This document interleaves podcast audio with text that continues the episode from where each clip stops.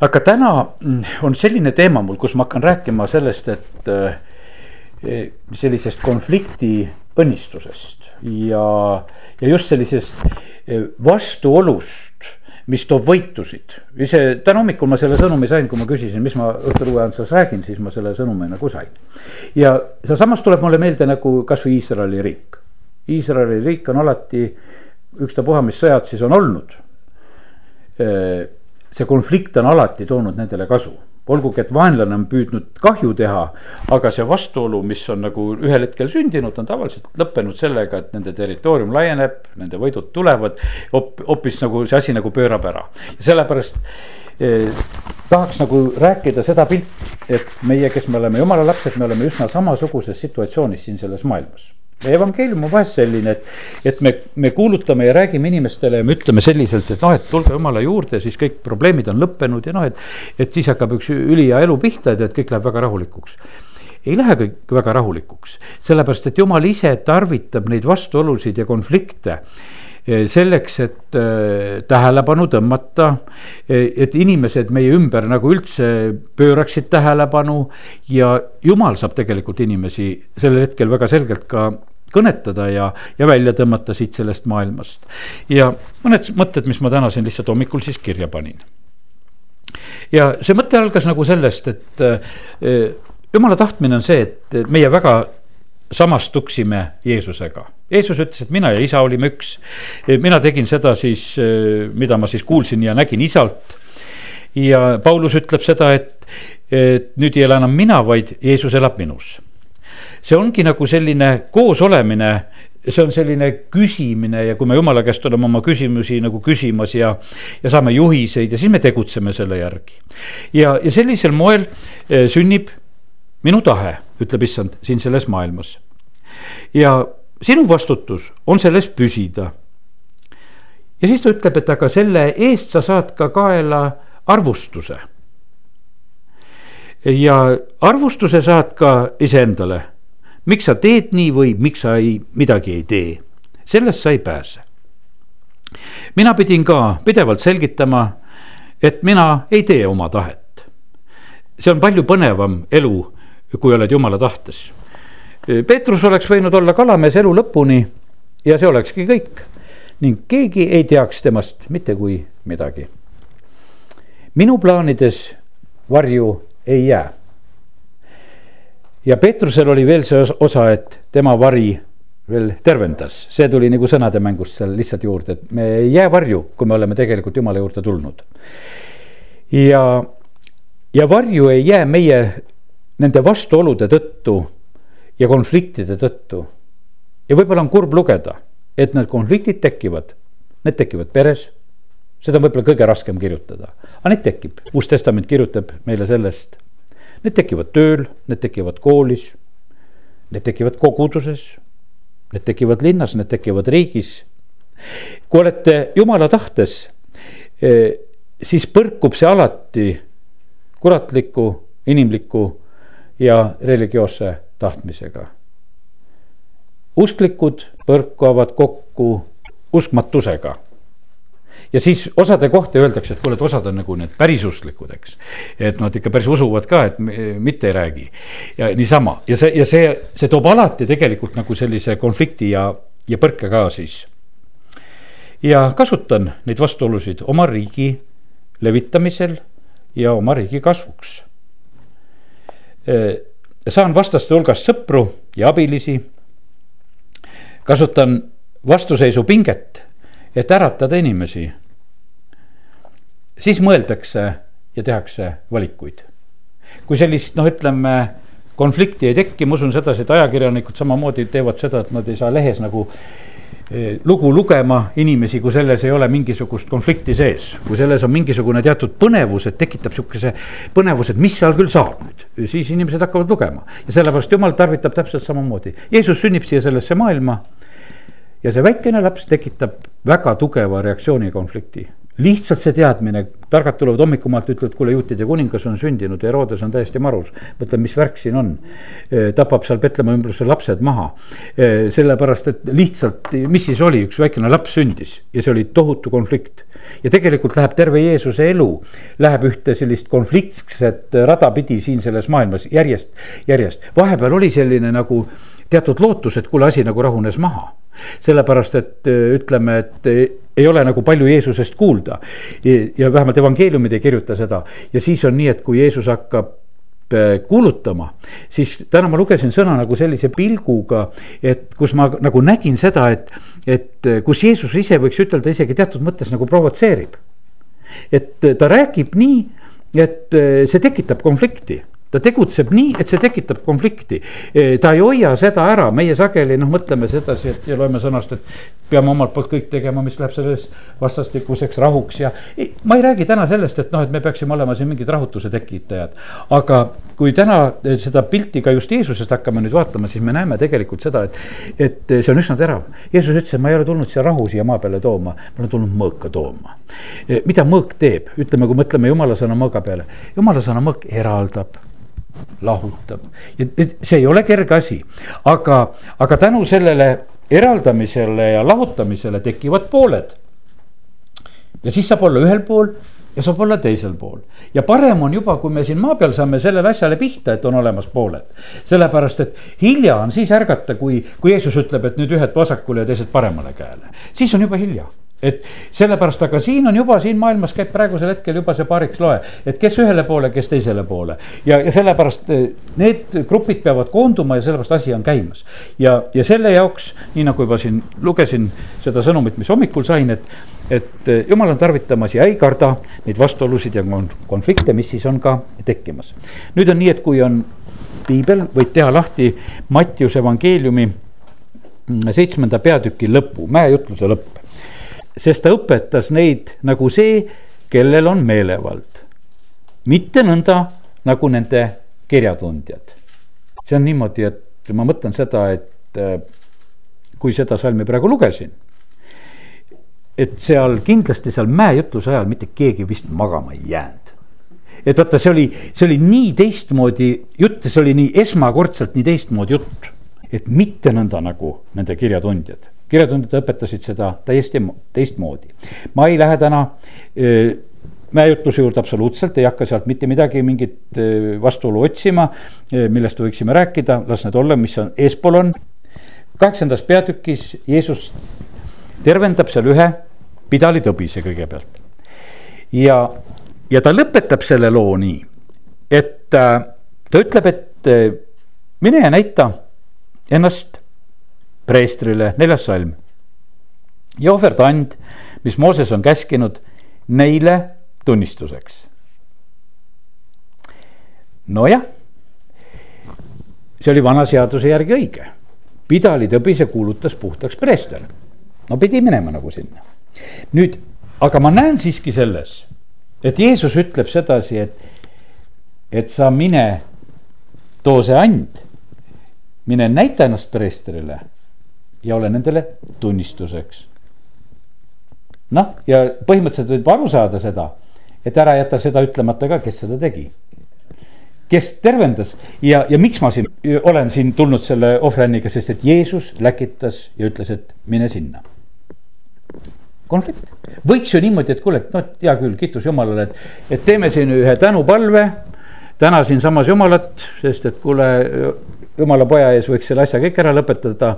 meie ülempreester niikuinii, et kuhu siin veel vaja näidata või mida siin veel vaja teha, aga me näeme sedasi, et Jeesus sooviski, et sa lähed seda vana rada pidi ja, ja tekitad juba seal ühe ärrituse. siinsamas kaheksanda peatüki kümnes salm räägib sellest, on räägitud usust, mida ta ütleb, et ta pole Iisraelist üldse nagu leidnud. no see on jälle ärritav jutt see on niimoodi, et kui sa oled, ütleme, jumala valitud rahva keskel. ja siis sa nii nendele kinnituseks ütled, et kuule, näed, siin üks väeülem ja tema usk on selline, mida ma pole tervest Iisraelistki leidnud. see on kiusav hinnang ju. sellega sa võiksid ju nagu vait olla. et noh, hea küll, et olete siin nõdarausulised ümberringi, eks ja, ja, või kuidagi seda teistmoodi, aga ta tuleb sellega täiesti välja ja me näeme sedasi, et Jeesus siin ei lähe veel selliseks konfliktiks, et siin ei ole veel sedasi, kuule, haarame kivisid talle, et kuule, mida ta räägib ja kuidas ta oma suud pruugib. absoluutselt nii kaugele see asi ei lähe, aga igal juhul oli see ärritav no mis kaksteist salm siin ütleb veel sedasi, ta ütleb, et kuningriigi lapsed tõugatakse välja kaugele pimedusse, kus on ulgumine ja hammaste kiristamine no see ei olnud väga sõbralik jutt. sa räägid sellele rahvale, need, kes on su ümber ja sa ütled sedasi, kuule, et, teie saatus on sihukene väga vilets, et teid hakatakse välja tõukama.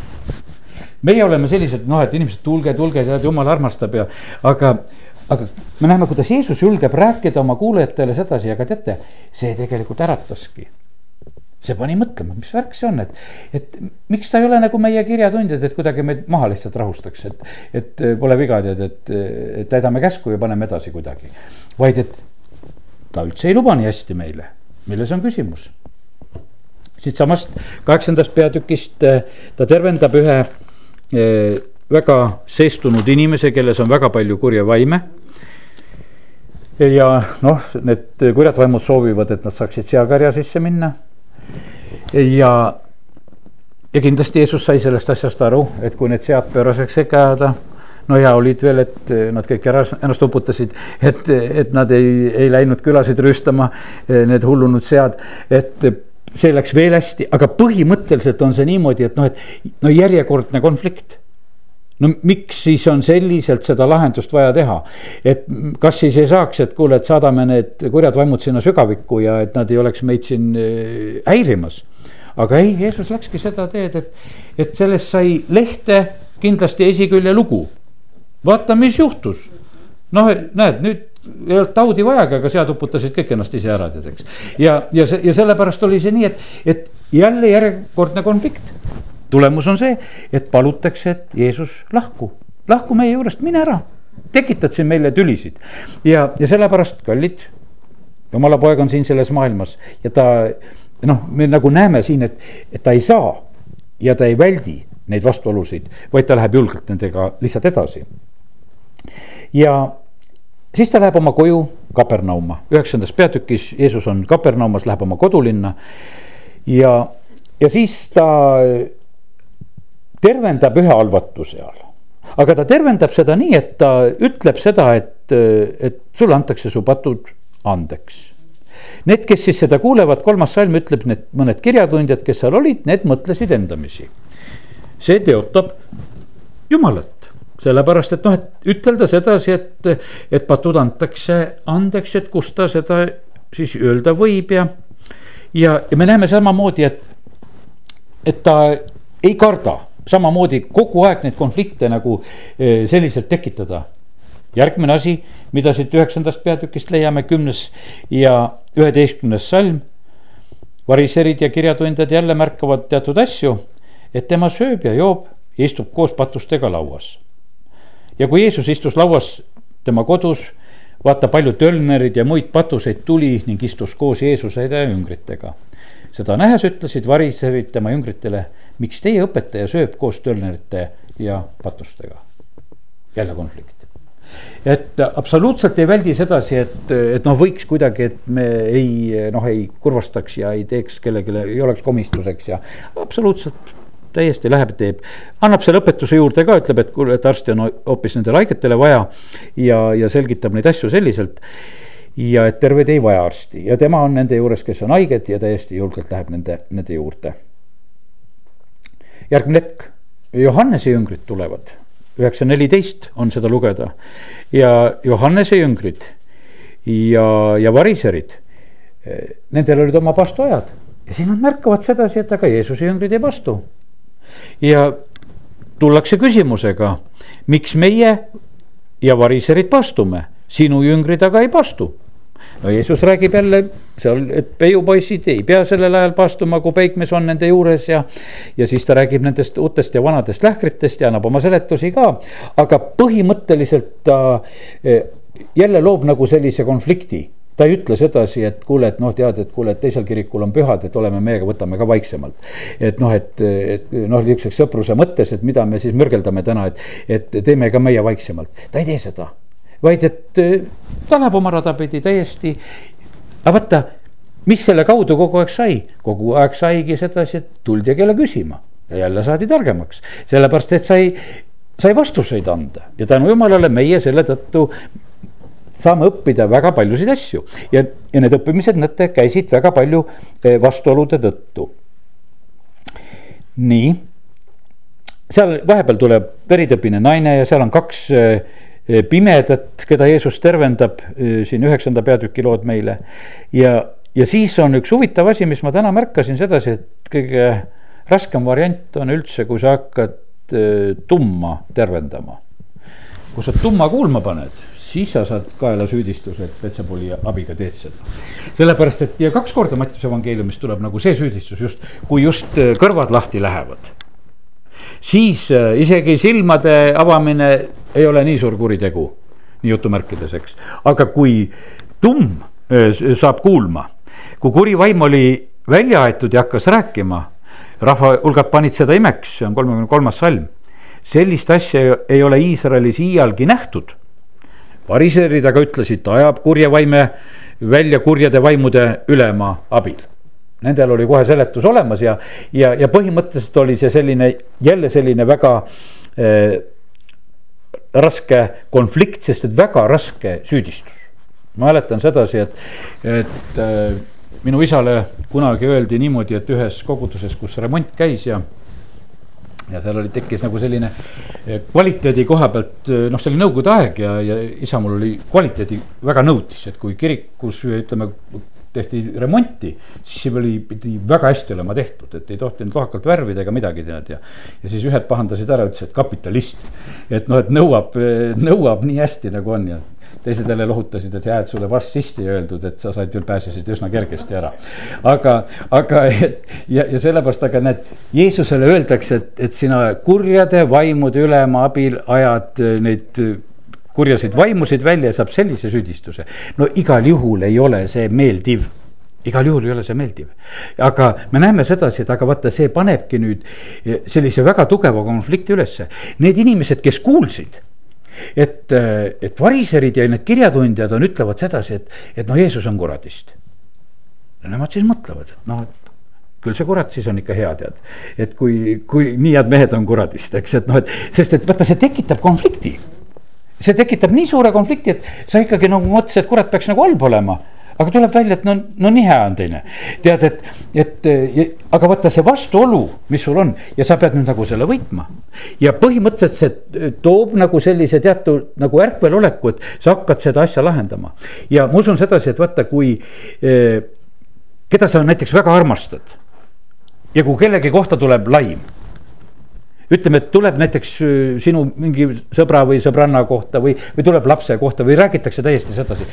Ja vaata, kui see on vale ja kui see sind lõikab, see äratab sind ülesse. no ma tahaksin korra majja luua, et, et ma tahaksin selle õigluse jalule seada ja seda ma usun sedasi, et põhimõtteliselt vaata need asjad, kui, kui sellised asjad sündisid, seal juhtus sedasi, et kes olid julgemini Jeesuse juures.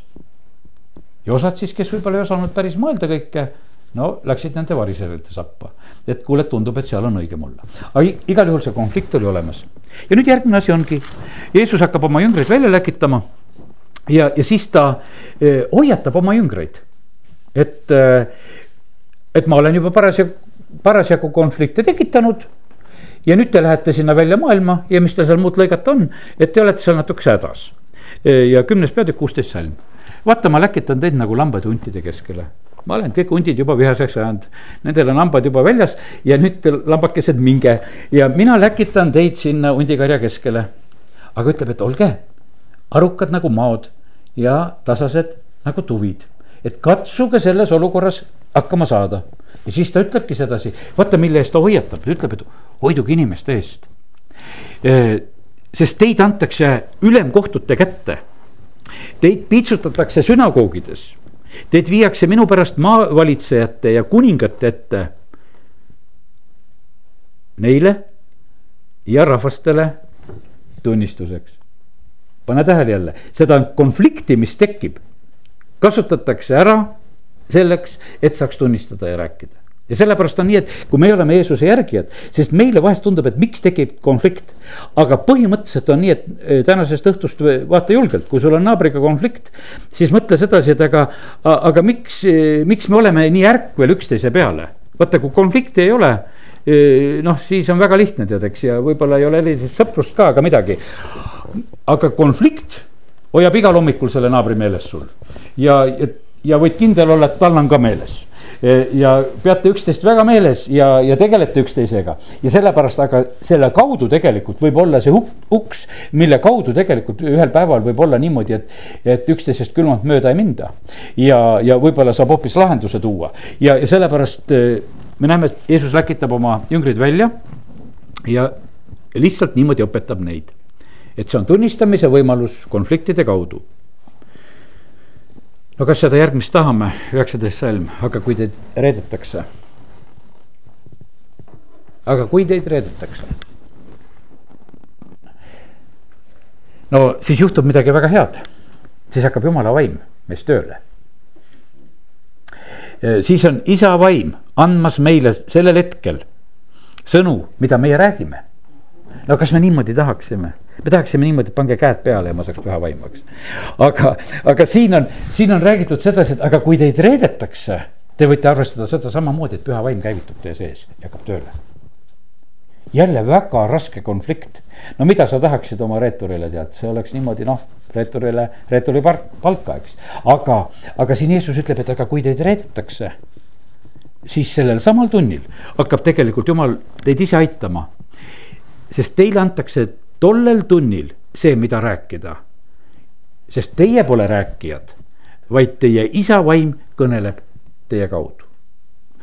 algasin selle mõttega, et eesmärk on nagu see, et me oleksime jumalaga sarnased, et saaksime Jeesuse moodi. ja, sellepärast, aga vaata, see Jeesuse moodi saamine käib üsna keerukat teed mööda. edasi ta instru-, instrueerib veel väga raskelt, et vend annab surma venna ja isa lapse ja ja lapsed tõusevad vanemate vastu ja lasevad neid surmata ja ja te saate kõikide viha alusteks minu nime pärast, aga kes peab vastu lõpuni, see päästetakse. ja siis ta lohutab, ütleb sedasi ka, see lõik lõpeb sellega, et kui pereisandat nad on kutsunud Petsebuliks, Peltsebuliks, kui palju enam siis tema peret. nii et, et oleme sellises mitte kõige meeldivamas olukorras, aga seda, seda olukorda tegelikult jumal on väga ära tarvitamas. ja nüüd järgmine lõik, kui ta räägib selle loo ära, siis ta kolm korda kinnitab selle peale, et ärge kartke, ärge kartke, ärge kartke ärge kartke vastuolusid, ärge kartke seda, neid situatsioone, ärge absoluutselt kartke, sellepärast et lihtsalt te lähete nendesse vastuoludesse ja tegelikult see, see tuleb õnnistuseks ja abiks mäletan seda, kui läksin sõjaväkke, olen tead selline noh, kooli lõpetanud äsja ja oled sõjakomissariaadis ja. ja kõik käib vene keeles ja noh, ütleme, täiesti harjumatu keskkond, võiks ütelda selline ja. ja nõutakse ja su käest eh, igasugu aru ja, ja küsimustele vastuseid ja üks asi oli noh, mis minu käest, et noh, komsomol ei ole ja kas komsomoli astud ja siis ähvardatakse, et noh, et tead, et siis oled aasta rohkem sõjaväes ja. ja tead, aga no ma teen, olen ammu otsuse teinud, et no ma ei lähe sellesse jumala salgajate organisatsiooni ja, ja ma lähen niikuinii sellest sõjaväest niimoodi ka läbi, et ma sinna ei astu. pastor Aleksei ütles, et ta pidi sellepärast äh, mitu väeosa vahetama. Eh, lihtsalt, eh, sest ta ka samamoodi ei olnud eh, komsomol. ütles, et nendel oli niimoodi öeldud, et aga meil on niimoodi, et kõik peavad olema komsomolid. ja kui sa ei ole komsomol, sa meie hulka ei kõlba, välja siit, lähed järgmisse. ja ütles, et ja liit käis ühest ja teise ja kolmandasse ja mitu väeosa käis läbi. minul oli niimoodi, et mind ei viidud sellepärast mitte kuskile. võiks ütelda seal mõned väiksed kiusamised, mis tehti, ükskord oli niimoodi, mäletan, et. et pandi seal neljakesi, sest leiti väeosast neli poissi, kes ei olnud eh, komsomolid ja üks seersant oli ka siis, eh, kes ei olnud seda, pandi eh, siis meid et me siis lihtsalt rivisammu harjutaksime ja trambiksime seal asfaldi peal, teistel oli oma komsomoli koosolek ja tukkusid seal. aga, aga see noh, ütleme, et ja, ja see oli noh lihtsalt selliseid karistusi natukese nagu püüti teha, aga noh, see ei olnud mulle mingi probleem. ja, jumal aitas nagu lõpuni, aga see konflikt tegelikult aitas Kristust kuulutada, sellepärast et ühel päeval, kui, kui üks, üks jumala salgaja tuli väeosasse pilkama tuli pilkama jumalat ja tuli pilkama ameeriklasi ja pilkama Ameerika presidenti, et ta on usklik ja nagu praegusel hetkel ka praegust presidenti pilgatakse selle pärast. siis oli, kas oli see Jimmy Carter või kes seal oli sel hetkel, aga nad olid usumehed, noh, ütleme vähemalt igaüks oma kirikusse kuskil ja, ja tema oli baptisti kogudusest. ja mäletan siis seal Jessendukis, kus ma sõjaväes olin peetakse loengut ja, ja siis öeldakse, et, et aga kõigele lisaks Ameerika president, et on baptist ka veel. ja noh, hirmutati poisse sellega ja siis see loengupidaja tegi pausi, et noh, et las sõna läheb sügavale südamesse ja las poisid värisevad. ja siis, kui ta selle pausi tegi, siis üks mu sõpradest seal lihtsalt hüüab, aga meil on Teekel ka baptist ja, ja mitte midagi hirmsat ei ole. tead, tead, et nüüd see Vostrasnava netu tead, tead tead terve päev seal naerab laginal ahahahahahah, tead selle otsa tead ja, ja, ja vaata, kuidas tegelikult see konflikt aitas nagu Kristust kuulutada isegi sellele ateistile, kes oli saadetud meid seal hirmutama ja, ja ameeriklastega hirmutama ja mis iganes. ja noh, ütleme, et ja, ja see konflikt ja, ja sellepärast ja kui ma oleksin võtnud selle noh, et konflikti vältida, et noh, et umbes, et pistan selle pileti taskuses, tasku ja mis siis, et noh, ma ei, südamega ei lähe sinna või noh, kuidagi, aga lihtsalt rahu pärast, et mul probleeme ei oleks ja, ja, ja siis aga see aitas ja sellepärast Jeesus ütleb ka, et ärge kartke, ärge kartke. ta ütleb siin edasi, mis ta siin ütleb hoiatuseks või mis hoiatuseks, ta ütleb julgustuseks ütleb seda, et, et ütleb, et, et midagi ei ole ju kinni kaetud, mis ei tuleks ilmsiks ja üldse on see, et vaata see, mis peab nagu päevavalgele tulema. isegi vaata, kui meid reedetakse ja kui meie kohta valet räägitakse, siis võime arvestada sellega, et ühel päeval tuleb tõde ilmsiks. ja, ja see võib olla niimoodi noh, et ütleme valus no Jeesus sureb ristil. no ja siis öeldakse, kuule, ta tõesti oli õige kui juba ära surnud, et siis noh, siis on nagu alt tuleb seal ütleme, Rooma pealik ütleb, kuule, see inimene oli tõesti õige. et see ei vandunud kordagi, kui seal sureb risti peal, et see suri ka nii rahulikult ära, et kuule, see oli õige. ja, ja see ja sellepärast on see nii, et, et aga e, tõde tuleb ilmsiks ja see, sellepärast Jeesus ütleb, et midagi ju kinni kaetud ei ole sellist, mis ei tuleks ilmsiks ja, ja ja midagi ei ole sellist peidetud, mida ei saadaks teada. ja, ja need asjad, mida mina teile olen nüüd pimedas ja salajas ütelnud, seda ja kõrva ütelnud ja siis seda kuulutage katustelt. ärge kartke neid, kes ihu tapavad ja, aga hinge, mm, ühesõnaga nad ei saa siis ju puutuda teil ja hinge ei suuda tappa ja siis räägib veel varblastest ja juuksekarvadest, et needki on loetud ja julgustab ja ütleb, te olete palju rohkem väärt kui varblased. ja niimoodi tegelikult äh, Jeesus julgustab oma jüngreid ja ütleb, et ärge kartke inimeste ees tunnistada ja, ja minge tunnistage. järgmine asi, väga raske asi, mida, ma ütlen, mida me harva loeme ütleme, et niimoodi, et eriti kui tuleks eh, evangeelne koosolek ja me kutsume inimesed kokku maailmast ja ütleme siis, et kuulge, et nüüd loeme eh, Mattiuse kümme kolmkümmend neli. et ärge arvake, et ma olen tulnud rahu tooma maa peale. ma ei ole tulnud tooma rahu, vaid mõõka ma olen tulnud lõhestama, Hebra, loeme sinna veel siis otsa Hebra neli kaksteist ka, et see jumala sõna on elav, vägev ja terav ja see muudkui lõhestab. aga põhimõtteliselt see nii on. Ütleme, et kui ei ole usklik perekond ja tavaliselt on nii, et see e, esimene usklik, kes seal ütleme peres usklikuks saab. no see tekitab kohe sihukese lõhestamise, no mis sinuga lahti on, no kuhu sa siis nüüd läksid või noh. kas sa siis nüüd päris usklik tahad olla või tead, no konflikt on hoobilt olemas, et mis sinuga nüüd juhtunud on. ja, ja sellepärast juhtubki just see lugu, et Jeesus ütlebki, et, et vaata, kui mina kuulutan, kui mina räägin sõna, siis see eraldab. ja see on nagu mõõk ma ei ole tulnud rahu tooma, ma, ma ei too teie koju sellist rahu, vaid seal on tegelikult väga tugevad ja ra rasked konfliktid. ja need konfliktid reeglina peavad saama kodus ka veel kasuks. et need, kes alguses on väga konfliktsed, las need ka tulevad jumala juurde ja sellepärast Jeesus ütleb, parem ole siis külm või ole kuum, aga et, et vaata, see teravus peab meis olema, kui sa oled sihukene leige. et mitte midagi ütleb ja alati kuidagi libised ebamääraselt ära, et sa ei nagu ei tekita mingisugust selgust ja arusaamist ja asja, siis sa ei aita mitte kui kedagi. ja sellest Jeesus julgustab, ütleb, et, et ma olen tulnud lõhestama. no loeme edasi, kas meeldib? ma olen tulnud lahutama meest ta isast, olen, ütleme nagu inimest vanemast, see on antropos paterist, kui ma vaatasin kreeka keeles lihtsalt, et keda seal lahutatakse, mõni tõlge ütleb, et isa pojast ja siis ma mõtlesin, et liiga valus, ma niisugust ei taha lugeda. aga, aga et siis seal öeldi, et inimest eh, vanematest need paaterid ja inimesed, antropos ja paater, keda seal lahutatakse esmalt.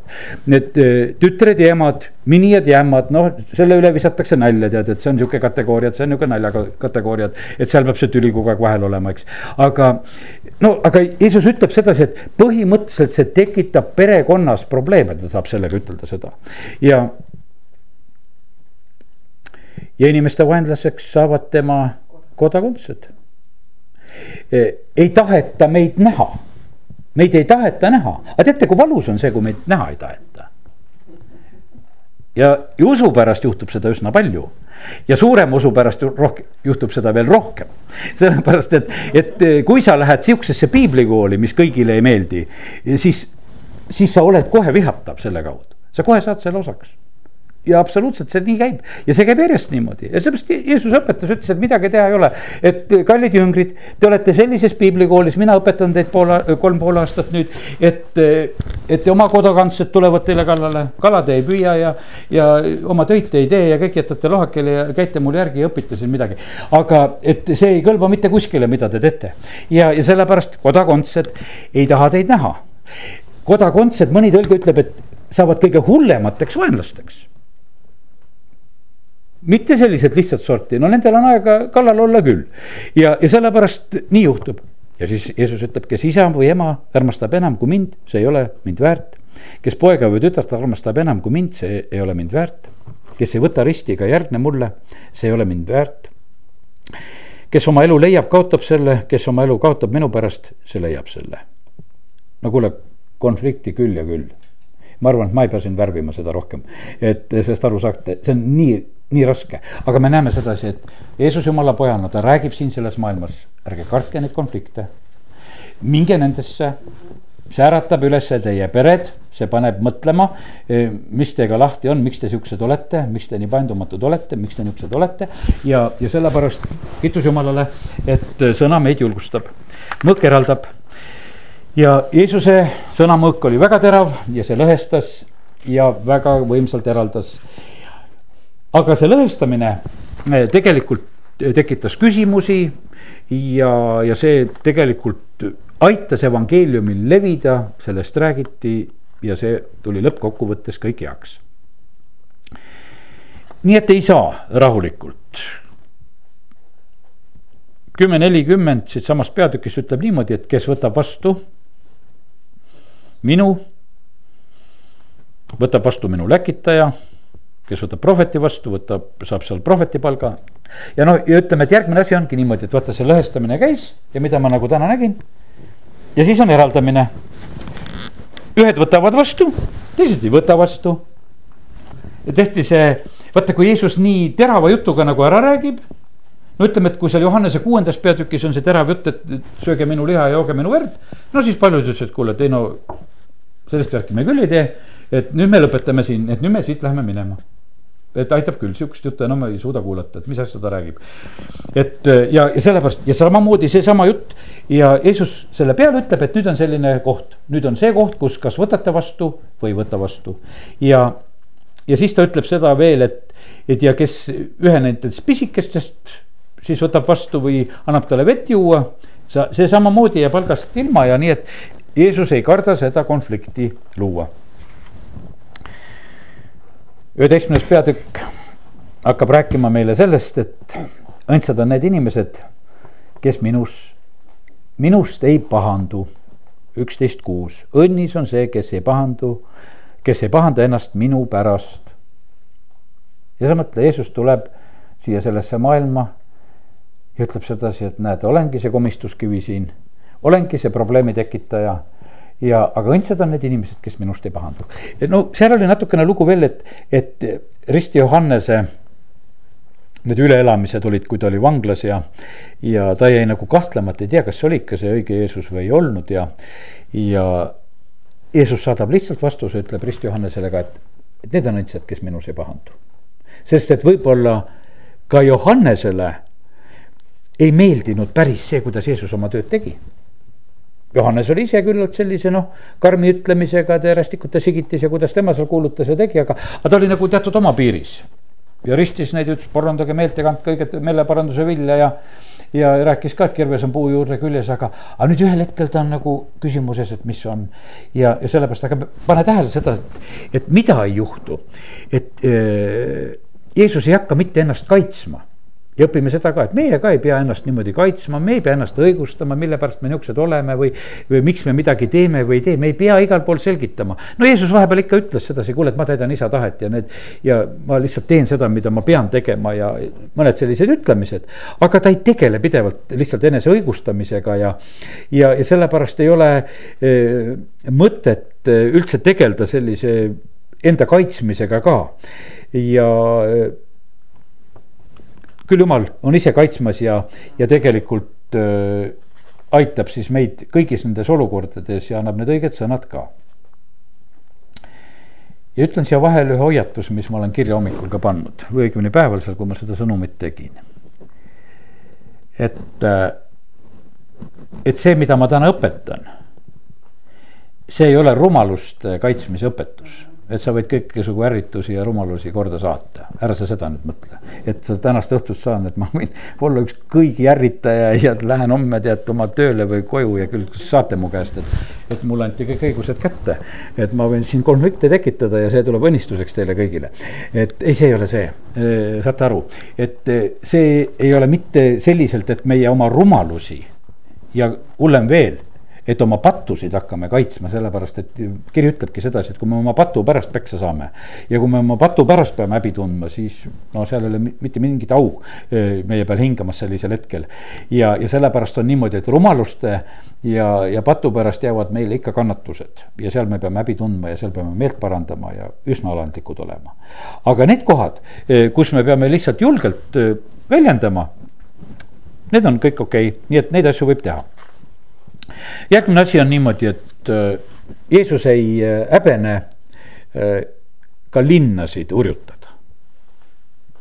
no nüüd, kas aastapäeva eel, meie vabariigi aastapäeva eel siin sobib rääkida selliseid asju, aga näed, jumala sõna räägib nendest asjadest, et Jeesus võttis ette ja ühel hetkel hakkab lihtsalt linnasid vaatama, et kuidas te siin elate. ja üksteist kakskümmend, Mattiuse evangeelium ikka. Jeesus hakkab urju, urjutama linnu no küll on hea, et me ei ole maal praegu, eks. kus kõige rohkem oli sündinud tema vägevaid tegusid, et nad ei olnud meelt parandanud. häda sulle Korassin, häda sulle Betsaida. siis ta võrdleb Tüüruse ja Siidoniga neid linnasid. ja siis ta ütleb, et ja sina, Kapernaum, kas sa arvad, et sind ülendatakse taevani, ei, sind tõugatakse alla põrgusse sest kui Soodomas oleksid sündinud need vägevad teod, mis sinus, siis ta oleks püsinud tänini. ometi ma ütlen teile, Soodomal on kohtupäeval hõlpsam põli kui sinul.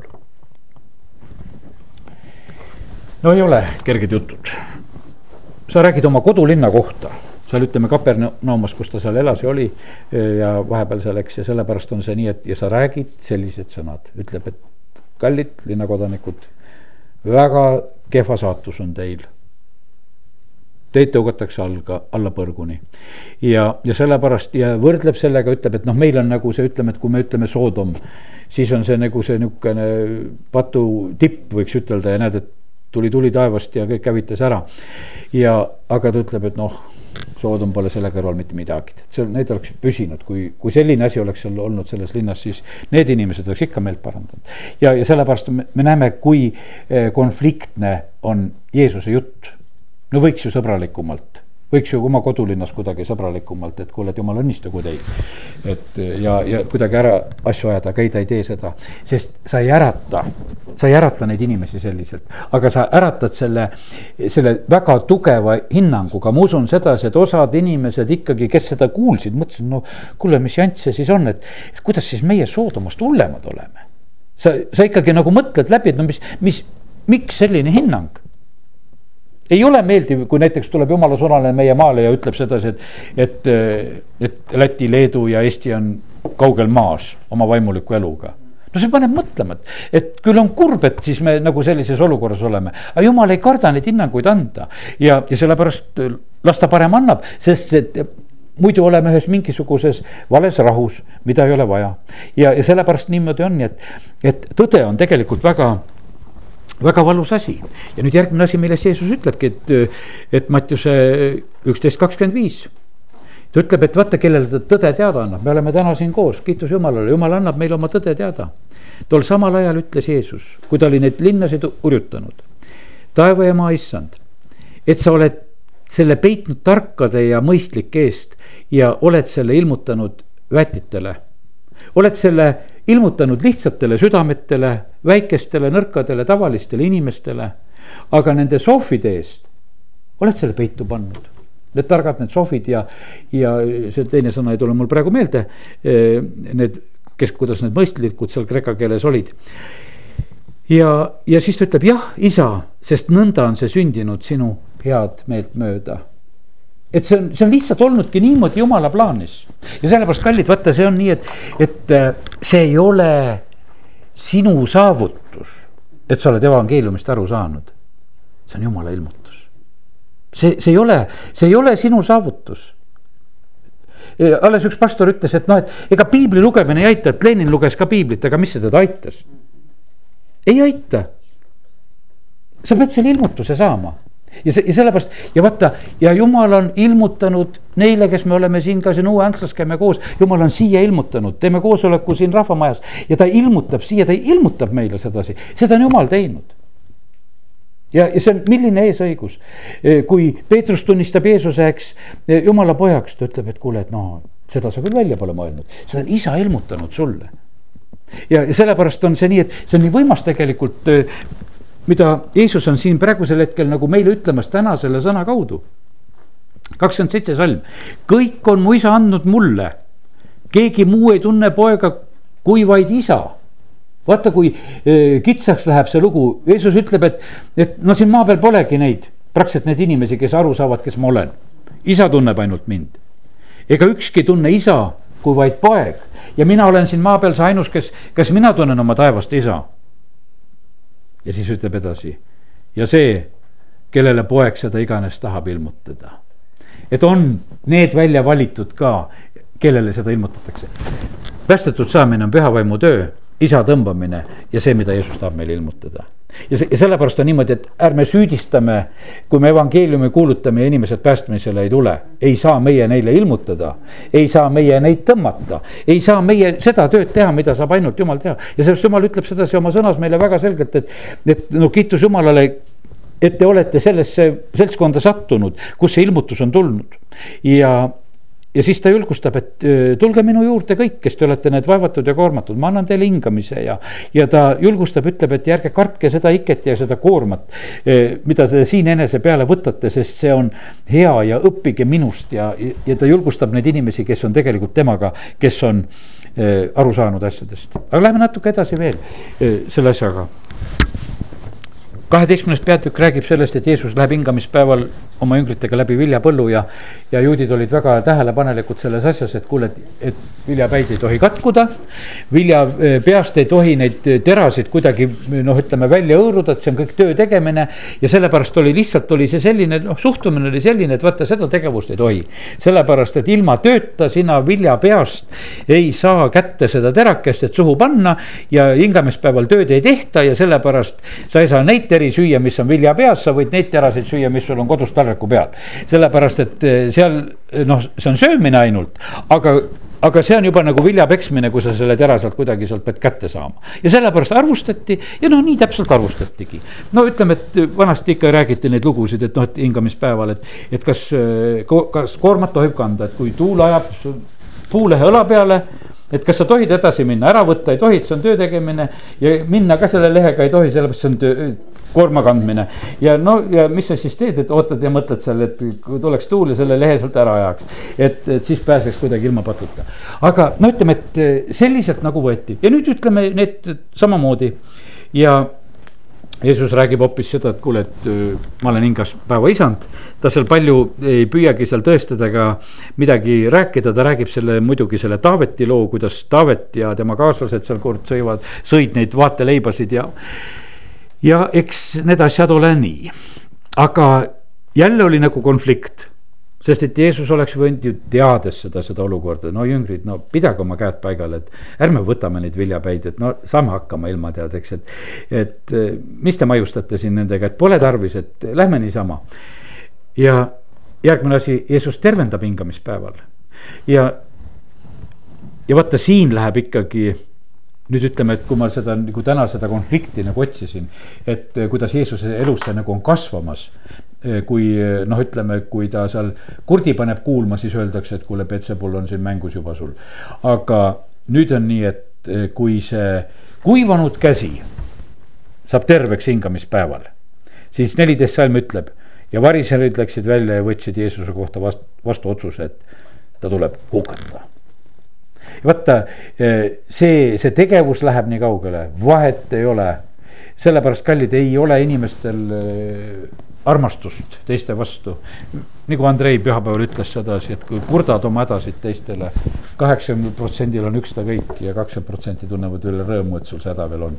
tead, ja nii, et, et väga suur lohutus, et praktiliselt sa kuskilt abi ei saa ja sellepärast no ei olnud absoluutselt kaastunnet. absoluutselt rõõmu ei olnud, et inimene saab terveks, vahet ei ole, on terve või haige tead ja, ja kuule, tapame ta ära, tervendab siin hingamispäeval.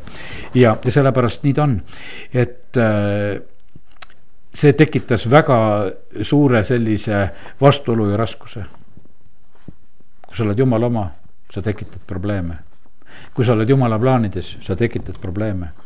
Mooses tuleb jumala plaanides Egiptusesse ja ta tekitab suure segaduse seal. töökoormus läheb suuremaks, rahulik elu lõpeb ära. ja me räägime ärkamisest Eestimaale. täna me räägime sellest me tekitame teravaid probleeme sellel hetkel, aga siis selle järgi tuleb veel suurem ärkamine, sellepärast et nende probleemide kaudu tulevad ka veel inimesed. Eh, Saulus sõdib väga selle koguduse, selle probleemi vastu, mis on tekkinud. aga ühel päeval valgus paistab talle ja kui valgus talle paistab saab üks parim kuulutaja ja sellepärast nii nagu issand ütleb sedasi, et ma võtan sealt vaenlaste leerist, ma võtan just sellisel moel, ma võtan väga tugevate vastuoludega, ma lihtsalt võtan, sellepärast et, et kui nad ei saaks näha neid Stefanuse silmasid. no kust nad siis seda valgust näeks? aga Stefanos peab suutma selle vastuolu tekitada oma kõnega, et ta vihastab kõik selle ära et nad on valmis teda maha lööma ja siis vaatavad, et kuule, tal on niisugused inglisilmad on. et ja, ja sellepärast, aga see on niimoodi, kui tuleb ärkamine, siis me näeme neid säravaid silmasid ja sina ka ära kaota absoluutselt seda sära ära. käi ikka peegli juures vaatamas, et kas ikka säravad. ja sest, et silmad peavad särama nagu lahkusulisel, nii nagu maailma ajakirjandus seda kirjutab, ütleb, et nad on ära märganud seda, et meil silmad säravad. sest suurel kirikul siis tähendab ei sära ja sellepärast ära võta kunagi nagu halva ütlemisena, et sind arvatakse kuskile sekti või lahkusku, sellepärast et nad teavad, et seal särab. Sest seal on elu. Ja, ja sellepärast see, see vahe on tegelikult vahel väga võimsalt, maailm saab sellest väga hästi aru. Ja sellepärast kiitus Jumalale. nii et ja, ja siis on Jeesuse käest nõutakse, seal ma lihtsalt vaatasin veel. Eh, nõutakse, et kuule, tee tunnustähte, variserid ja kirjatundjad tulevad, et kuule, et kui sa oled ikka üks selline eh, nüüd õige jumala mees, siis me nõuame sinu käest tunnustähte taevast ja tee seda. Jeesus ütleb, ma ei tee teile seda, te saate selle prohvet Joona oma, see on see kuskil seal Mattiuse kaksteist, kolmkümmend kaheksa kuni nelikümmend üks ja, ja siis eh, ja, ja sellepärast nii see on, et sa võid arvestada sellega, kus sind vastu ei võeta sa mine või kätel kõndides, nad ei võta ikka sind vastu. sa võid kõik trikid ja imed teha, kus vastu ei võeta, sind vastu ei võeta. kus sind vastu võetakse, seal võetakse sind vastu. ja me vahest oleme nagu väga õnnetud, et no miks niimoodi see on, aga nii lihtsalt ongi ja sellepärast absoluutselt ei pea olema mures. Jeesust ei võetud ka absoluutselt igal pool vastu ja ta ei hakanud üldse sellepärast äh, mingisugust vaeva nägemagi, et kuule, et teeme mingisuguseid tunnustähtisid, et äkki kuidagi saame sõpradeks. niikuinii oleks ära seletatud, ah, see polnud ikka see veel. ja, ja sellepärast äh, aga mida äh, Jeesus õpetab ja räägib veel mõned sellised juhised, lihtsalt veel lõpuks kiiremini ütlen. ära ole tühi, ole alati täis vaimu. kui oled tühi noh, ütleme, see on väga suur oht, sellepärast et kui me saame lihtsalt nagu sellise, kuidas ütelda, jumala kojas ja jumala riigis olles nagu sellist puhastust, et me nagu tead, puhastame jälle ja palume pattusid andeks ja parandame meelt ja pühime seda oma tuba siis ütleme sellises vaimulikus mõttes. ja kui see ei saa täidetud, siis, siis on see ohtlik nii teravalt, mul on nii hea meel, et eh, pastor Andrei nii teravalt tegelikult pühapäeval me keskel rääkis ja ütles, et. et noh, et kui, kui sa ei ole päriselt jumala juures, parem ole maailmas. et no ei ole mõtet sellel asjal ei ole mõtet, et sa petad ennast selle asjaga, et ja, ja sellepärast ja kui sa ei taha täis saada, sest et olukord on ohtlik, kui sa puhastad, sest siis tuleb seitse kurjemat asemele. ja Jeesus hoiatab selle eest, et, et see on väga, väga, väga raske asi järgmine hetk juhtub seal veel üks lugu, üks selline vastuoluline moment, et koosoleku ajal Jeesuse ema ja vennad tulevad. Jeesus ei tegele nendega, Jeesusele öeldakse, et kuule, et su ema ja vennad tulid, on ukse taga. no meil on ruum liiga täis, nad siia sisse tulla ei saa, aga Jeesus ütleb, aga teie olete minu ema ja vennad ja, ja õed ja, ja võtab täiesti rahulikult. no on seda siis vaja? kus on siin see austus või noh, meil võib, jääb neid küsimusi nagu õhku ja, ja kuidas on. me näeme sedasi, kui julgelt tegelikult on see eh, Jeesuse käitumine nagu siis nendes erinevates situatsioonides.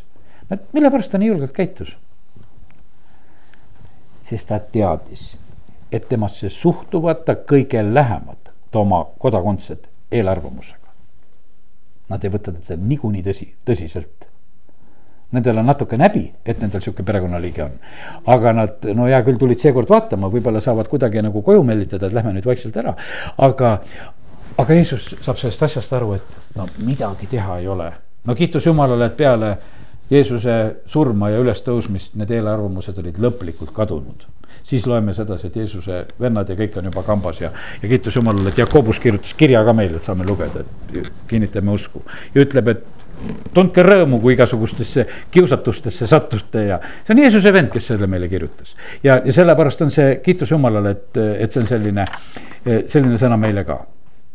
ja nii, et asjad on siin selles maailmas üsna karmid ja komistatakse Jeesuse otsa, kolmteist viiskümmend seitse selle salmi lihtsalt loen, ma olen märkinud siia selle salmi veel ja nad põlastasid teda, kui Jeesus on kodukohas Jeesus ütles neile, kuskil ei austata prohvetit vähem kui oma kodukohas ja oma majas. ja ta ei teinud seal kuigi palju vägevaid tegusid nende uskmatuse pärast. sellepärast on see vaata, et, et see, mida Jeesus sai nagu kogeda, ta sai sellist põlastust, hülgamist. teda ei tahetud tunnustada, pahanduti temast. ja, ja sellel hetkel on see nii, et äh, et Jeesus ei saa seal palju midagi teha. ühel päeval ma ühte prožektorit remontisin ja, ja katsusin, et kas need juhtmed on pinge all või ei ole ja indikaatori õues valges tegin seda ka ja indikaator ka nagu ei näidanud, et seal mingit voolu sees on ja ja siis, kui ma noh, mõtlesin, et ah vist ei ole siin voolu sees, et, et lülitid ju on siis niimoodi, et siin ei ole voolu, kui ma siis no, sealt välja tõmbasin ja kokku läksid, siis käis pauk ja kõik korgid olid väljas, mis olla said. et ja, ja sellepärast on see niimoodi, et oli küll see vägi seal Natsaretis olemas, aga seda väge ei saanud absoluutselt tarvitada. see oli kõik täitsa olemas, aga lihtsalt ei saanud tarvitada, sellepärast et, et uskmatus oli nii suur ja, ja sel-, ja sellepärast on see nii, et, et lõpetan selle jutu täna nii. meie saatus on selline. peame ärritama uskmatuid, peame ärritama religioosseid, peame, peame ärritama siin selles maailmas ja, ja sest, et jumalale meeldivad need, kes usuvad. jumalale meeldivad need, kes ta tahet täidavad ja, ja, ja see, ja sellepärast, aga kergel viisil, kui me täna need õppisime, seda täita ei saa, sest see ei õnnestunud Jeesuselgi ja ammu siis meil. amin